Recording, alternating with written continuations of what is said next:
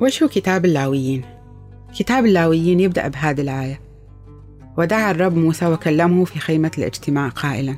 فأصل تسمية هذا الكتاب ترجع إلى اسم لاوي وهو واحد من أولاد يعقوب اللي هم يعتبروا أسباط بني إسرائيل 12 والله خصصهم أنهم يكونوا كهنة مكرسين لوظيفة كهنوتية. وفي هذا الكتاب يشرح فيه واجباتهم الكهنوتية في العبادة وحياة القداسة وكانت هذه الدعوة من الله نفسه من جيل إلى جيل. وهذا الكتاب يتكلم عن شريعة موسى بالتفصيل. وكيف موسى أسس أول خيمة اجتماع؟ وهو مكان مقدس مخصص لعبادة الله الواحد. وموسى كليم الله كلم الله وجه لوجه ووصل للشعب اليهودي كلام الرب وتعاليمه لشعب بني إسرائيل. والتعاليم اللي في هذا الكتاب كلها عن الكهنة وكيفية تجهيز الذبائح لغفران الخطايا.